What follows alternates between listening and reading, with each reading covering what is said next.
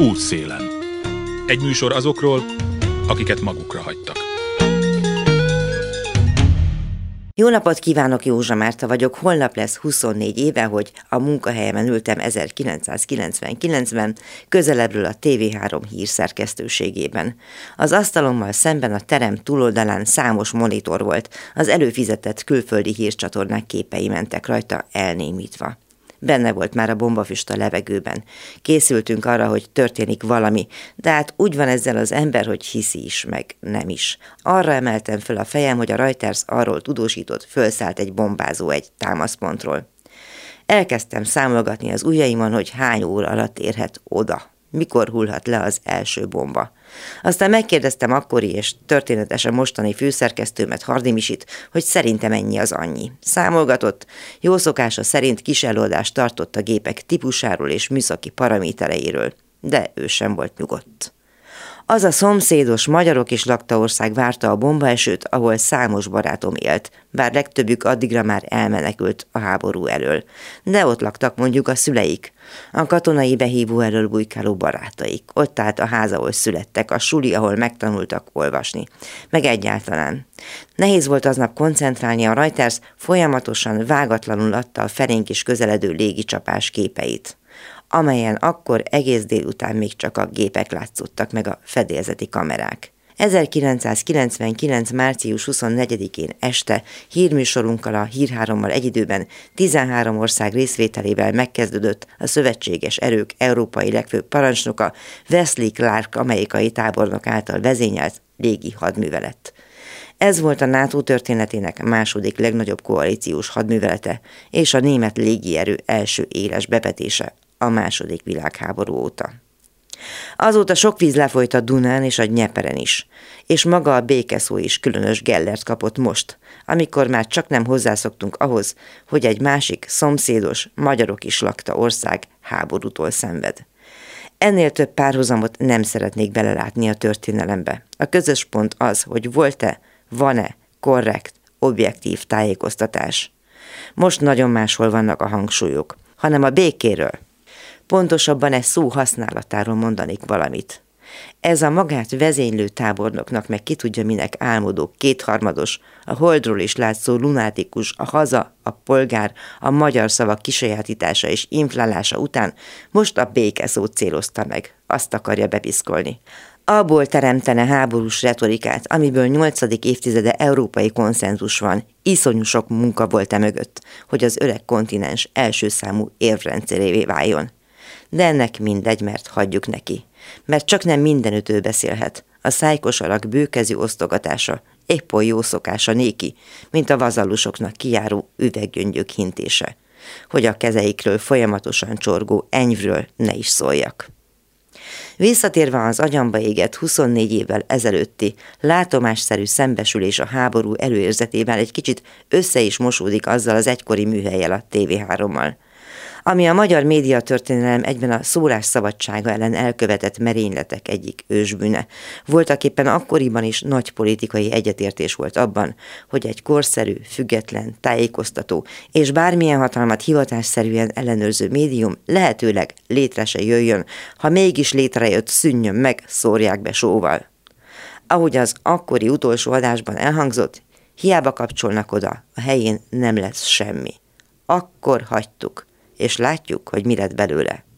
Ez a mikrofon, amelynek használatával most élhetek, már nem némulhat el. Igaz, klubrádiósok? Útszélen. Varázslatos Dorombia, ez egy mesekönyv, Zé Adrien írta, aki éppen futószerkóban áll mellettem, indul is a pífutásra. 3,14 km a táv, a cél pedig az autizmus spektrumzavarral élők, hát nem is tudom, segítése, figyelemfelhívás, vagy éppen csak az, hogy érezze mindenki jól magát.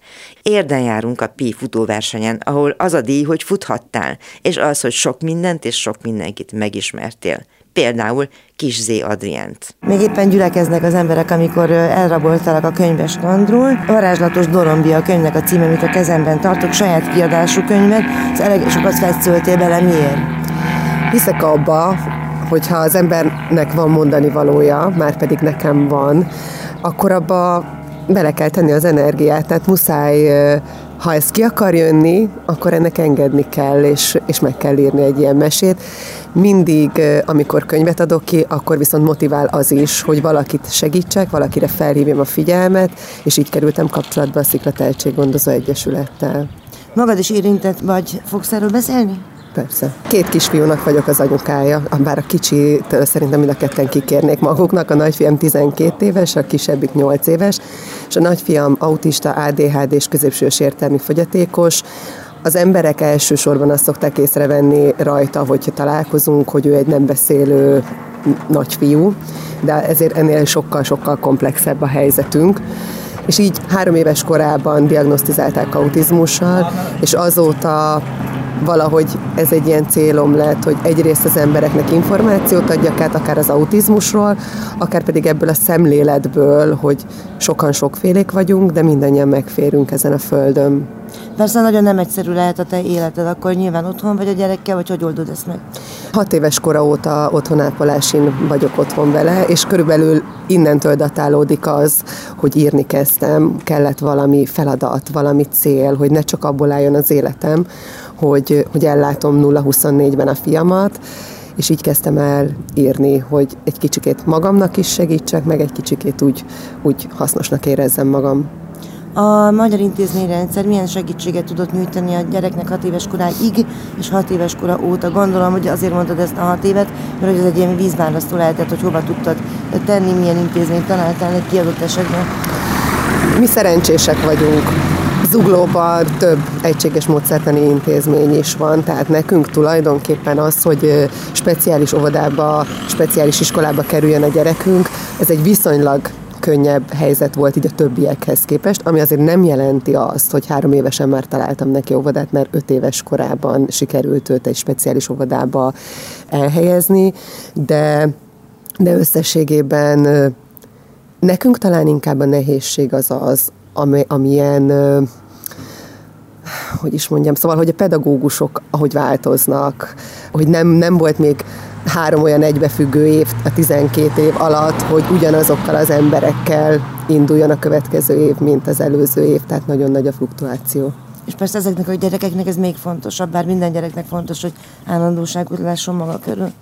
Igen, és az az érdekes, hogy alapvetően például az én fiamon nem látszik az, hogy ha, ha megérinti őt egy, egy pedagógusnak a, a távozása, mert nem abban a pillanatban jönnek ki a viselkedés problémák, hanem egyszer csak egy hónappal később, amikor már azt gondolnánk, hogy jó, hát ezt simán vette ezt az akadályt, hogy megint új ember került az életébe, egy hónappal később meg mégiscsak valahogy így összeadódnak ezek a dolgok, és akkor azért picit nehezebb vele nem is azt gondolom, hogy a gyerekeknek, hanem nekünk szülőknek is nagyon nagy szükségünk van arra, hogy minden bizonytalan a gyerekünk nevelésével kapcsolatban legalább a pedagógus legyen olyan, aki, aki ott van velünk, és akivel hosszú távon tudunk tervezni, hogy segítő kezet nyújt nekünk, mert hogy, mert hogy mi nem vagyunk szakemberek, mi szülők vagyunk.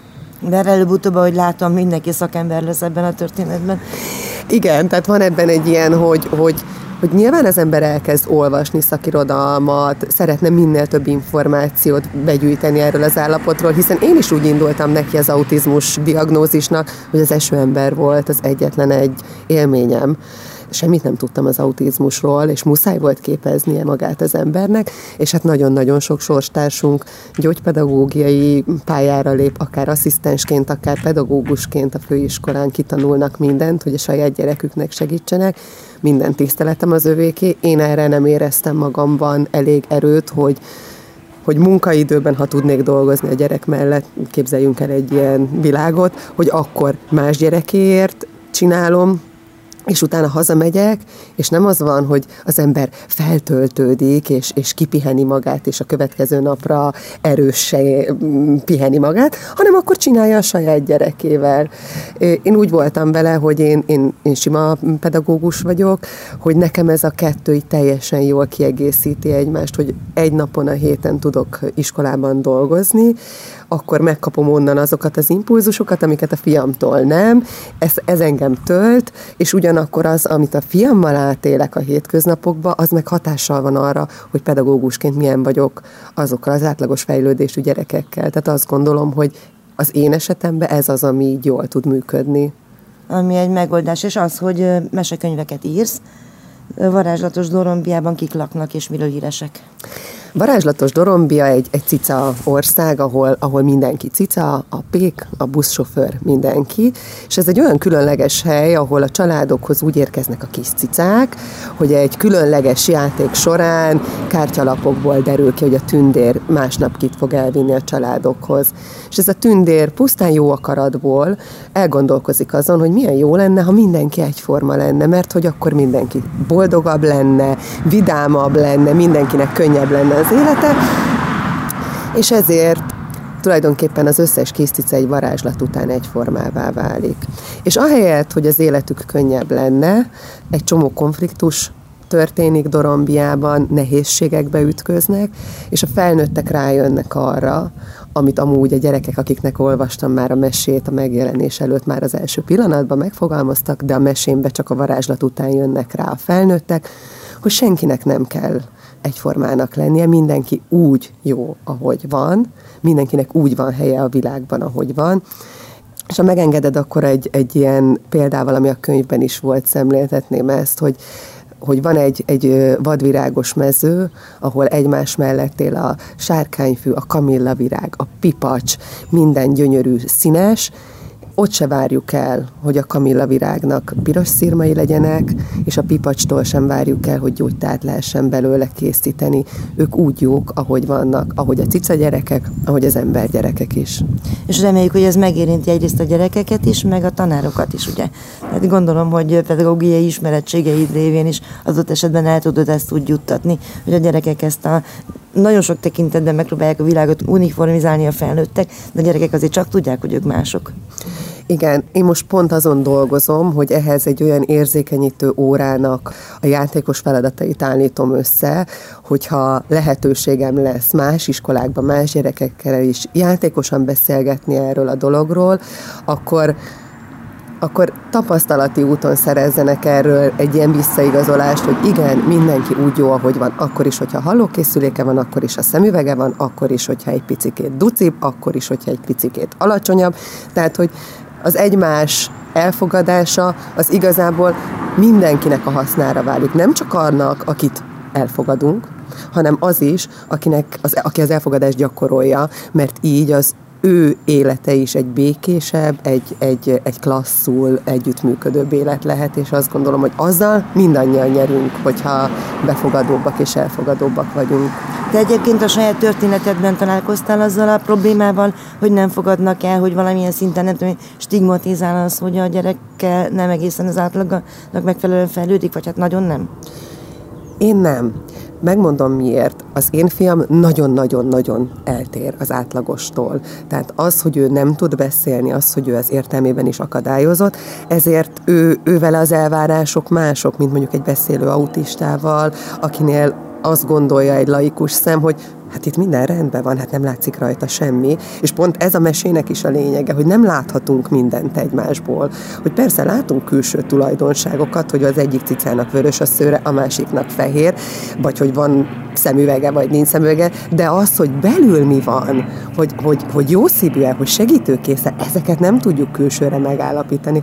Na de visszakanyarodva a fiamhoz, hogy szóval az én fiamnál annyira látszik az, hogy ő másképp fejlődik, mint az átlag, hogy minket bántás ezért nem ért.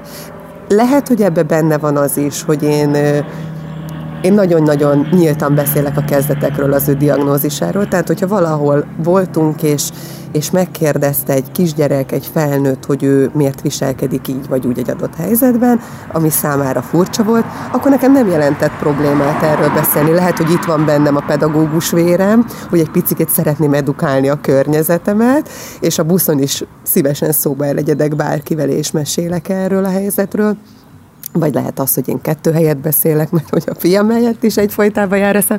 Szóval nem tudom, hogy miért, de nekünk nem volt ilyen, ami nem jelenti azt, hogy különben nem lesz, de eddig nem volt soha olyan érzésem, hogy minket a diagnózis miatt, vagy az eltérő fejlődés miatt stigmatizáltak volna.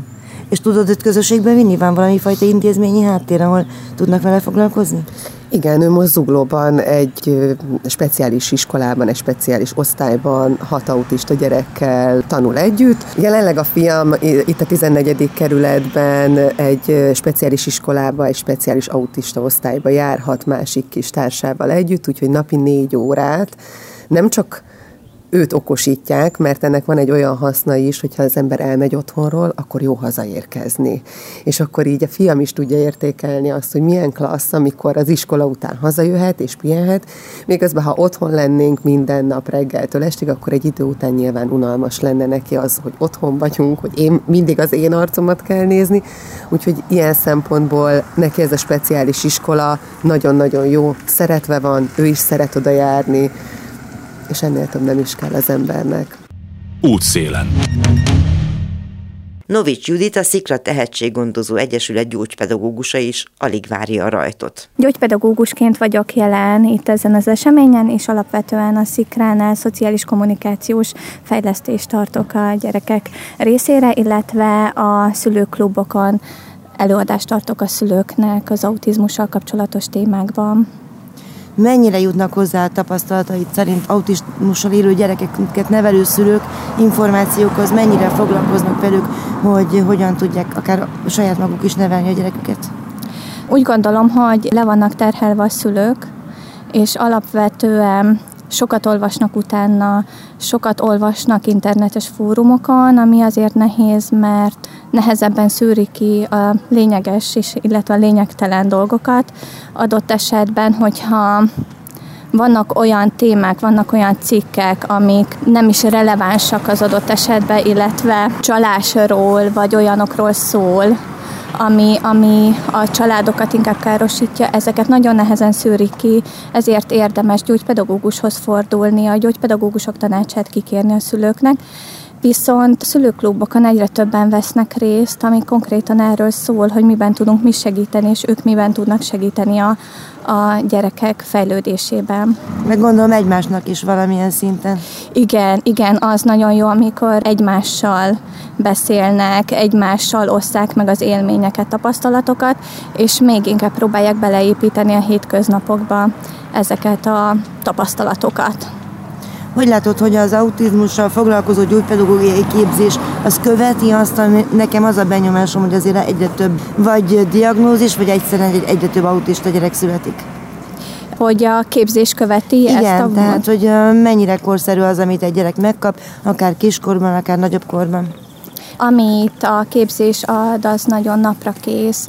Konkrétan, mivel eléggé friss így Magyarországon az autizmus tudatosság, külföldről hozzák be a legújabb információkat, és a képzésen is ezeket adják át, adják át a szakemberek a hallgatók felé, és a, a végzett gyógypedagógusok is fordulhatnak az egyetemi oktatók felé további kérdésekkel, illetve tovább is támogatják őket a, a korszerű és az újabb módszerekkel. Mit jelent az, hogy autizmus tudatosság? Hát alapvetően az autizmus, mint fogalom régebben nem igazán volt jelen. Volt egy olyan információ, hogy rossz gyerek, viszont így, hogy egyre jobban köztudatba kerül az, hogy ez konkrétan mit is jelent, mik azok a nehézségek, mik azok a hátrányok, amik érhetik ezeket a gyerekeket, ezeket a családokat.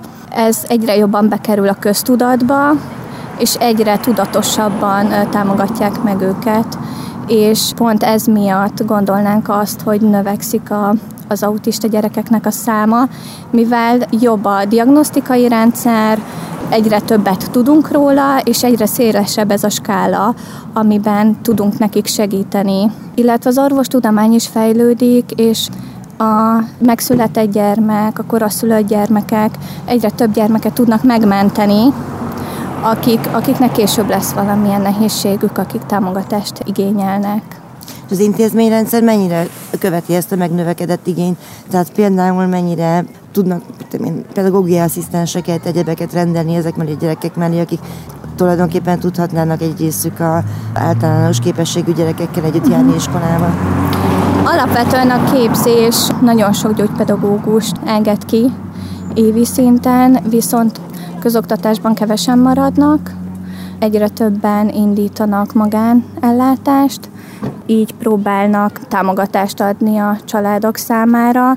Sajnos a, a képzés száma is azért korlátozott, hogy mennyit tudnak befogadni.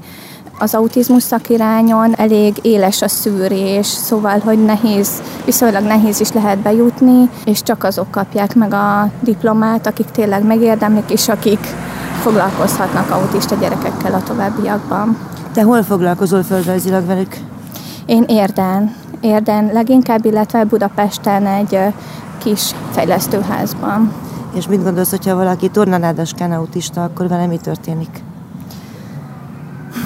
Szerintem keres a környező településen egy autizmus szakirányt végzett gyógypedagógust, és nagyon nehéz. És sokszor a szülők el is gondolják, hogy költözzenek-e egy nagyobb városba, ahol adott esetben megkaphatják az ellátást. Olyanokkal is találkoztam, akik napi szinten utaznak egy irányba legalább fél órát, 45 percet, hogy, hogy megkapják a heti szintű fejlesztést. És korosztályos tekintetben ez hogy van? Tehát sokan mondják, hogy amíg kicsi a gyerek, addig jobban lehet fejlesztéshez jutni, de később, amikor nem tudom, már meg kamasz, akkor kevésbé. Én sok gyógypedagógus egyébként preferálódik egyik irányba. Én adott esetben a, a korai vonalat képviselem, illetve az óvodás korosztályt, viszont van 32 éves tanítványom is, akivel együtt próbálunk dolgozni a szülő támogatásával, de vannak olyan kamaszok is, akikkel például online próbálok a szülőnek tanácsot adni bizonyos helyzetekben, hogyan lépjen elő, viszont van olyan kolléganőm, aki inkább a kamasz korosztályjal foglalkozik, és ő azokat próbálja támogatni. Úgy gondolom, hogy minden gyógypedagógusnak előbb-utóbb kifor egy vonala, akikkel jobban megtalálja az összhangot, és így nehéz lehet a családok számára megtalálni azt a szemét, aki ezekben leginkább segíteni tud. Én bízom benne, hogy a kamaszok is megkapják azért azt a támogatást, amire szükségük van. Például a Szikra Tehetséggondozó Egyesületben barátklubot hoztak létre egy pályázat keretein belül, ahol a, a kamaszok szórakozhatnak, is megismerkedhetnek, barátkozhatnak, beszélgethetnek. És ez a futás? Ez miért fontos? A futás az alapvetően úgy indult, hogy március 14-e Albert Einsteinnak a születésnapja, és 3,14 a pi-nek a jele, Albert Einstein pedig autista volt, és ezért megünnepeljük ezt a napot, és 3 km és 14, 3,14 kilométert fognak futni, azok, akik ezt a távot bevállalják, viszont a piciknek 314 méter is indul majd fél 11-kor, és, és, és úgy mind tudják, hogy mi a pi. Igen, és, és ami érdekes, hogy itt, itt most pívíz is van, illetve itt van most dinoszaurusz, rohamosztagos. És még annyi minden más folytatjuk mindjárt. Kizé Adrián írót, pedagógust és Navics Juditot, a Szikra Tehetséggondozó Egyesület gyógypedagógusát hallották. Tartsanak velem továbbra is, maradunk érden az idei pifutáson, elkötelezett támogatóként hallanak elsőként Lukácsi Tamást, az Atlétis Sérült Sportolók Alapítvány kuratóriumi elnökét, Markó Trihárd, a szolnoki Pixel Koloni Elkultúra közösség egyik alapítója, és Vida György, az Emlékgyár Egyesület egyik elnöke folytatják. Hogy a talányos titulusok mit jelentenek, azt megtudják mindjárt a hírek után. Józsa Márta vagyok, futócipőt fel a hívószó Albert Einstein, akiről úgy tudjuk, hogy valamely autizmus képlettel járt együtt a zsenialitása, de nem is az a lényeg, hanem az, hogy az itt szaladgáló kisbuksik és a megoldandó nehézségek ellenére remek ismeretek és gondolatok birtokosai. Lukácsi Tamás, az Atlétis Sérült Sportolók Alapítvány kuratóriumi elnöke pedig azonban, hogy a sportolásban is örömüket lelhessék. A Szikra Egyesülettel 2019 óta működünk együtt. Azok a sportprogramok, amik indultak a Szikránál, az autizmus élő gyerekeknek, mind az Atlétis Alapítvány támogatja és finanszírozza. 2019-ben ugye a karatéval kezdtünk. Tavaly bejött a taekwondo, és most már a tavait és az idei futóversenyt is mi támogatjuk. Ezen az egyesületen kívül mi van még? Tehát kik azok a teljes spektrumát, hogy képzeljük el az egyesület tevékenységének? Ki mindenkivel foglalkozik? Milyen típusú sportok vannak? Az Atlész Alapítvány országos szinten működik, nem csak a Szikrában működik együtt, nem számos városban jelen vagyunk az országban. A fő profilunk ugye ez a harcművészet programunk, karate és taekwondo.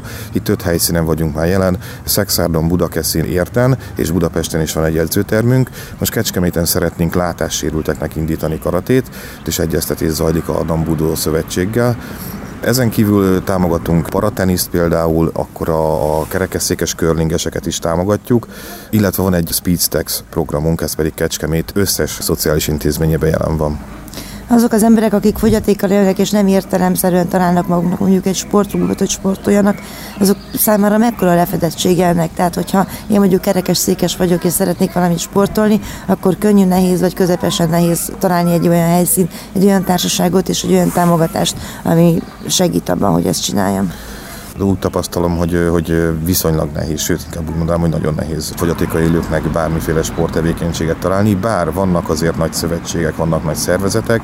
Az autizmusra élők igazából azok, akik nagyon kiesnek mind az értelmi sérültek sportolásai lehetőségeiből, mert ugye oda nem mehetnek, az épekhez ugye megint nem mehetnek, mi ezt az űrt szeretnénk így betölteni, hogy az autizmus élő gyerekek tudjanak sportolni és mennyire közismert ez mondjuk a szülők szemében, mennyire látják azt, hogy ennek van jelentősége. Egyáltalán az, hogy egy autista fiatal, mondjuk aki fizikailag nem különbözik egy nem autistától, ő számára mit jelenthet a sport? A sport ugye egyrészt önfegyelmet tanít, főleg ugye a harcművészetre ezért esett a választásunk, ezért ezt erőltetjük úgymond, mert a formagyakorlatok betanulása közben ugye önfegyelmet és mozgáskoordinációt tanulnak, illetve az, hogy egy edzőteremben együtt vannak, ugye megszokják a társaságot, és ezt ugye a mindennapi életben már az én társaikkal szemben is tudják alkalmazni, beillő a társadalmi beilleszkedésben segíti őket. Ön személy szerint mi hajtotta erre a hivatásra? Hmm, véletlen hozta, hogy egy civil szervezethez kerültem 2004-ben, gazdasági menedzserként kerültem oda. Nagyon megtetszett ez a terület, mert látom az értelmét, illetve látom azt, hogy nagyon nagy szükség van segítségre. Útszélen. Hát olyan figurák is szaladgálnak a pifutáson, akiknek a nevét sem tudom megjegyezni, minden esetre a gyerekek nagyon élvezték, és bezzegők tudták, hogy ki kicsoda. Markó Trihárd, a Szolnoki Pixel Koloni Elkultúra közösség egyik alapítója. Vida György az Emlékgyár Egyesület egyik elnöke, szintén támogatják a rendezvényt, és nem csak ezt, az ügy elkötelezettjei a világuk pedig varázslatos. Az 501-es légió is velünk jött ma, hogy támogassák a pifutást. Volt, igen. Igen, igen, rohamosztagosan azonnal látszott. Valamint van egy összefogásunk Nerd Alliance, vagy NA néven, ahol csatlakozott hozzánk az Árnyék Szféra szerepjátékos elkávézó és a Roleplayer YouTube csatorna is, és mind-mind az ő nevükben vagyunk itt ma támogatni a szikrát, és kifejezetten a pifutást most. Na jó, ezt így egy önmagában nem értem, úgyhogy ezt kell majd fejtenünk, hogy ez a sok felsorolt szervezet, ez tulajdonképpen hol ér össze, miért őket képviseli, és mit képvisel pontosan ezen a futáson, illetve a Szikra mozgalom vagy Szikra Egyesület kapcsán? Hm. Ezek a, a, a szerveződések mindannyian hobbik köré épültek, alapvetően elkultúra, szerepjátékok, társasjátékok, videójátékok, um, streamek, tulajdonképpen online és offline világ foglalkoztató játékok és hobbi téren. Ez az, ez az ahol, ahol összevér, összeférünk, vagy összeérünk. Az Emlékgyár Egyesület egy közösségi stúdió, ami megpróbál legális hátteret és helyszínt, meg lehetőséget adni az összes ilyen csoportosulásnak, akik megkeresnek bennünket, és, és van projektjük, amit vinnének és tulajdonképpen mi is mindannyian tagjai vagyunk legalább átfedésben egymás csoportjainak az, az érdeklődéseink és a kedvteléseink alapján. És a, hát a péfutáson azért vagyunk kint, hogy a, a jelmezeseinkkel egy kicsit feldobjuk a gyerekeknek ezt a, ezt a napot még inkább, és uh, ugye, hogy mi is találkozzunk velük, meg segítsünk, amiben csak tudunk. A Szikra tehetséggondozót egészében pedig most már harmadik éve támogatja az Emlékgyár Egyesület, második éve a, a Pixel Colony, a Pilon, és a többiek is most gőzerővel csatlakoztak be, úgyhogy az április másodikai autizmus világnapi rendezvény, ami kizárólag a, a gyerekeknek szól, oda már mi is, mi is jövünk teljesen gőzerővel, és játszani fogunk a gyerekekkel egész délelőtt, mielőtt a délutáni programok elkezdődnek.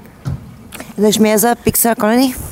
ahogy a kolléga már mondta, ugye elkultúra köré szerveződő közösségekről van szó. A Pixel Colony is egy, egy ilyen elkultúra, illetve hobbik köré szerveződő közösség. Mi szolnokiak vagyunk, szolnokról jöttünk, és ott kezdtük kialakítani a ezt a közösséget nagy részt videójátékokkal, animékkel, cosplay szerepjátékokkal vagy társasjátékokkal foglalkozó embereket tömörít ez a közösség, de nem, nem a, ezekre a foglalkozásokra irányul, hanem igazából a, az emberekre és a, arra, hogy, hogy egy közösséget alkossunk együtt, és aki mondjuk szeretné a témákkal kapcsolatban a tudását fejleszteni, vagy szeretné a tapasztalatait megosztani, a, a, arra biztosítunk online is és offline is megfelelő és biztonságos helyet erre. Ez egy személyes érdeklődés, vagy pedig ez értelemszerű, hogy az e-kultúrával foglalkozó emberek foglalkoznak az autizmus spektrum zavarban élőkkel? Szerintem olyan szinten célszerű a dolog, hogy foglalkozunk ezzel, mert a autizmussal kapcsolatban vannak kutatások, amiket olvastunk, és nagyon jól látszik az, hogy például a videójátékok nagy segítséget nyújtanak például az autistáknak abban, hogy jobban megértsék a, a környezetet, és mi is találtunk ilyen vonatkozásokat, és úgy gondoltuk, hogy, hogy ezzel a, a dologgal el tudunk jutni, és tudjuk támogatni, meg élmény nyújtani a, a gyerekeknek és nálunk itt a kapcsolódási pont, illetve az, hogy nyilván szeretnénk mi is támogatni a mozgalmat, és ma is ezért vagyunk itt. És ezek a különleges ruhákba öltözött emberek, ők kicsodák, és nem látják a hallgatók, úgyhogy meséljük el, kiket láthatnak itt a gyerekek. Mm, van két T-rexünk, akik futni, illetve rollerezni is fognak magán a versenyen. Aztán a, a szikra oldalról van két astronautánk, valamint emlékgyár és pilon oldalról itt van velünk Arkonir, aki egy Warhammer 40 ezres tulajdonképpen scoutnak öltözött ma, ő egy, egy Astartes scout, gyakorlatilag egy, egy Space Marine, egy űrgárdista, és az 501-es légiótól van egy rohamosztagosunk, aki ugyancsak fantasztikus. A hangját hallottad már? Nem. Ú, hangszóró van a sisakjában. Oké, okay, akkor mindenképpen meghallgatom. Felismerhetetlen, nagy fehér, és nem talál el semmit. Jó, az biztos, hogy sokat kell majd googliznom, hogy ezeket a neveket megnézem, és el tudjam magyarázni, hogy kicsoda, micsoda és miről híres. Örömmel segítünk bármiben. Amint még szeretnék hozzáfűzni, hogy nem csak um, alapvetően ekkultúrás szerveződések csatlakoztak ehhez az egészhez, hanem uh, az Emlékgyár Egyesületnek a kezdetektől része a, a Birdapest szakálverseny szervezői csapata, akik hát szőrös arcúak, de egyáltalán nem szőrös szívűek, és uh, fantasztikus brigádról van szó, akik a háttérmunkában, legális munkában rengeteget-rengeteget segítenek, és ők is itt vannak teljes szívvel. Én az ő mellényüket hordom, mert hogy én is tagja vagyok a, a Birdapest szervezőinek, akik közül szinte mindannyian egy karitatív nemzetközi szakálklubhoz tartozunk, a Bearded Villanshez, azaz szakállas gazfickókhoz. És miben karitatív? Um, abban, hogy uh, különböző dizájnokat, pecseket, merchandise-t készítünk, ezeket um, adjuk el világszerte egymás között, körülbelül 5000 tagunk van, kívülről is lehet vásárolni, de általában belülről szoktak, és uh, az ebből befolyt összeget, azt folyamatosan karitatív célokra szánjuk. A Szikrát is most már harmadik éve támogatjuk a, a Budapestes csoporttal is, következő projektünk pedig a, a Szikra mellett egy a vidéki menhely, kutya menhelynek a megsegítése lesz. Ki van messze melve? Igen, igen, igen, már várnak bennünket.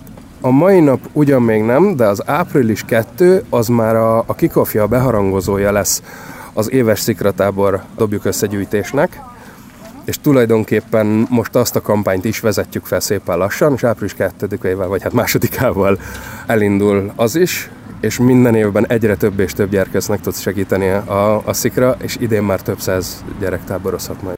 Útszélen. Két ezüst színű szkafanderbe öltözött főszervezővel állok a futás után, alig fújták még ki magukat. Az adrenalin még dolgozik, és ők elhivatottan teszik, amit elhatároztak. Berta Benyus Anita, Szikra nagykövet, az atipikus fejlődés szakembere, és Zádori Henrietta, a Szikra Tehetséggondozó Egyesület elnöke, ötletgazdák, főszervezők és a történet motorjai összegeznek. Hogy ennyi pi lefuttatott Hú, még most is feldolgozás alatt van, így a magam részéről, úgyhogy nekem még kell szerintem egy ilyen 5-10 perc, mire ezt így feldolgozom, hogy rengetegen voltak, nagyon-nagyon vidám volt mindenki.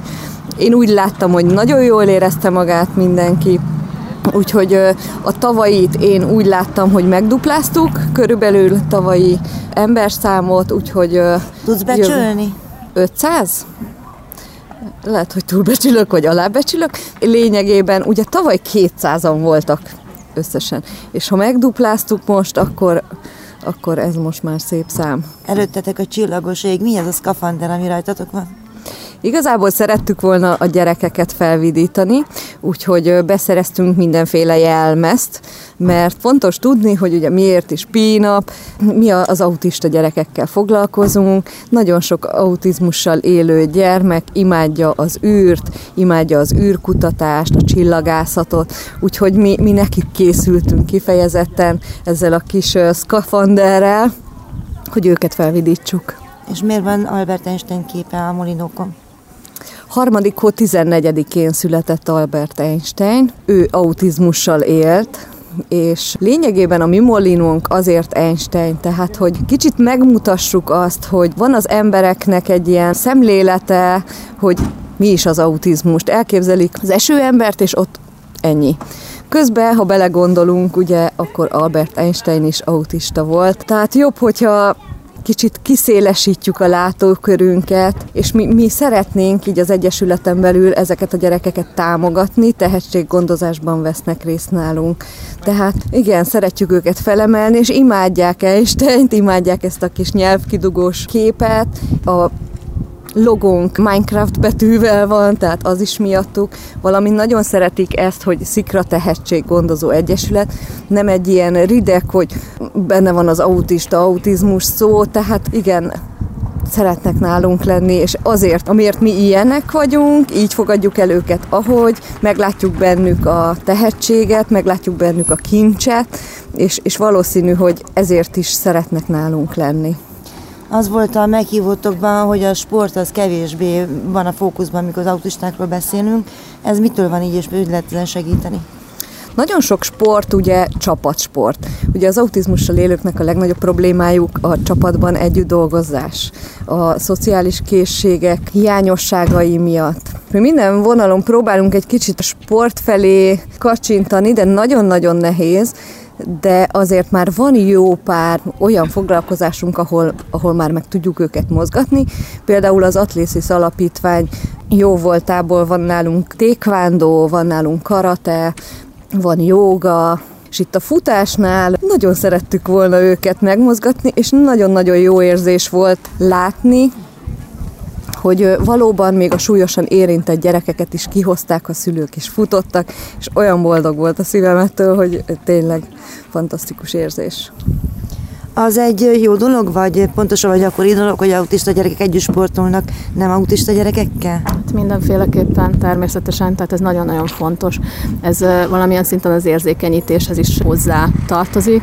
Egymástól vehetnek példát, tehát ugyanúgy ugye felhúzhatja éppenséggel egy nem autista gyerkőc azt, aki, aki úgymond tehát atipikus és autizmussal él, mint sem, hogy az autista gyerkőc mutat valami valamiféle olyan mértékű, nem is tudom, hogy mondjam, amit tudás, példaértékű. Tehát a lényeg az, hogy példát mutatnak egymásnak, és ez mindenféleképpen jó, jótékony hatással van egymásra. Tehát nagyon fontos, hogy együtt legyenek a gyerekek, igen. És ennek mekkora társadalmi beágyazottsága, hogy látod, hogy mennyire sikerül egyre inkább elfogadtatni azt, hogy autisták is csak egyek közülünk? Nehéz nagyon-nagyon sokat kell ezzel még foglalkoznunk, és nagyon sokat kell még ezen dolgoznunk. Tehát az, hogy elfogadóak legyenek, és hogy megértsék, tehát egy csodálatos világ. Az autizmussal élő gyerekek, az autizmussal élők tényleg különleges emberek, és ugye mondják azt is, hogy furik, furik tudnak lenni. Valóban, hát vannak furcsa megnyilvánulásaik, vannak fura viselkedésbeli megnyilvánulásaik, de pont ettől különlegesebbek ők. És mi erre szeretnénk helyezni a hangsúlyt, és erre is próbáljuk felhívni a figyelmet, hogy ezt az értéket, ezt a különlegességet igenis tudják meglátni, és igenis fedezzék fel. Nagyon sok esetben ugye kiemelkedő tudással bírnak ezek a gyerekek. Tehát van egy-egy témakör, amilyen hihetetlen lexikális tudású.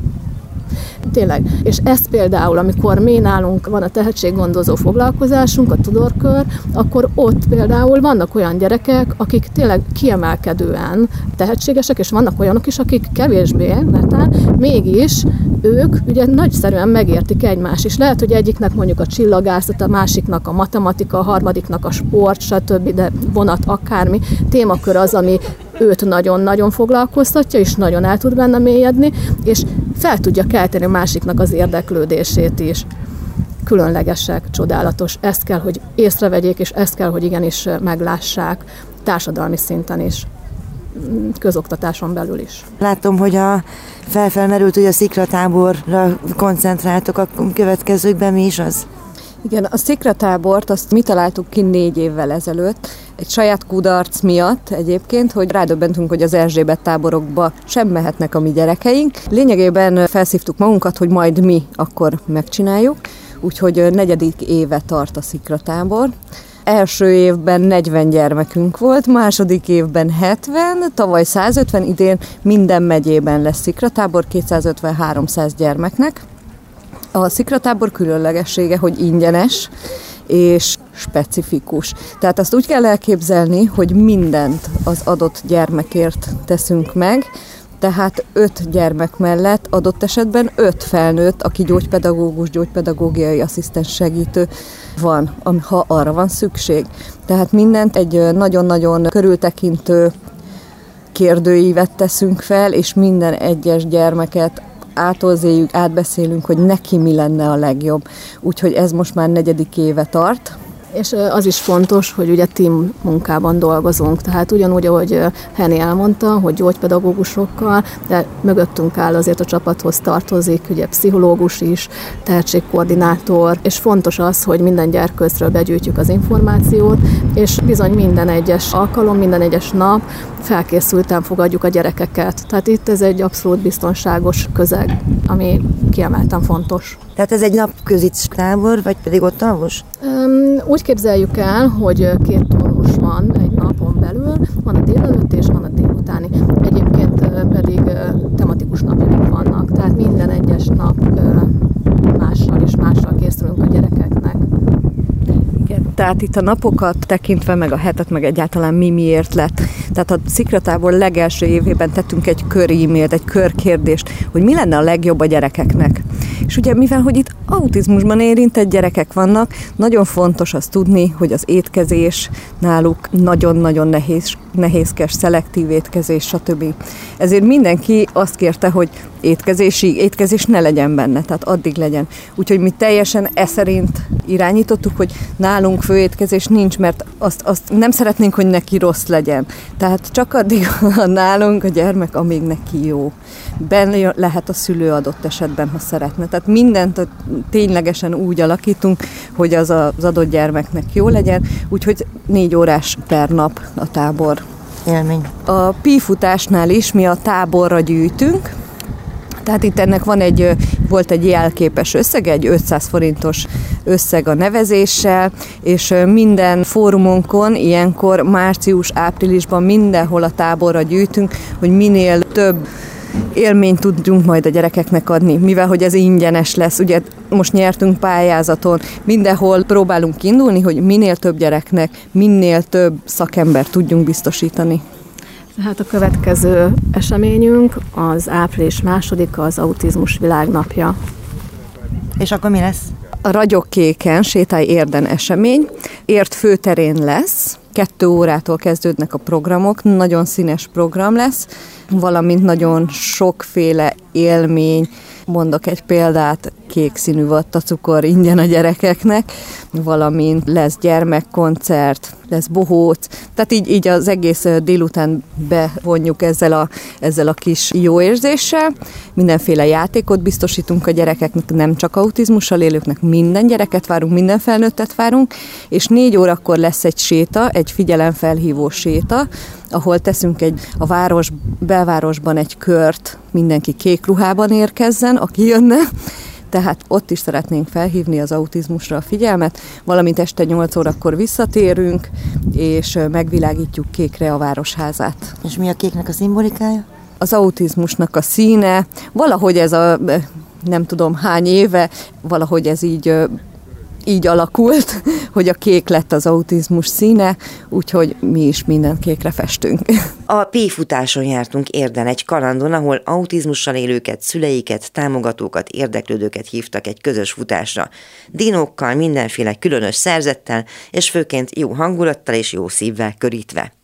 Kiszé Adrien író, pedagógus, Novics Judit a Szikra Tehetséggondozó Egyesület gyógypedagógusa, Lukácsi Tamás az Atlétis Sérült Sportolók Alapítvány kuratóriumi elnöke, Markó Tihárd a Szolnoki Pixel Koloni e-kultúra közösség egyik alapítója, Vida György az Emlékgyár Egyesület egyik elnöke és az esemény motorjai, Berta Benyus Anita, Szikra nagykövet, az atépikus fejlődés szakembere és Zádori Henrietta, a Szikra Tehetséggondozó Egyesület elnöke számoltak be a helyszínről. Érdófaluból. Visszahallgatható a www.clubradio.hu oldalon és a podcast felületeinken. Leveleiket a józsa.máltakukat clubradio.hu címre várom. Jövő héten találkozzunk újra, tegyék lehetővé, hogy együtt maradjunk. Figyelmüket köszönöm, Józsa Mártát hallották. Önök az útszélen adását hallották a Klubrádióban.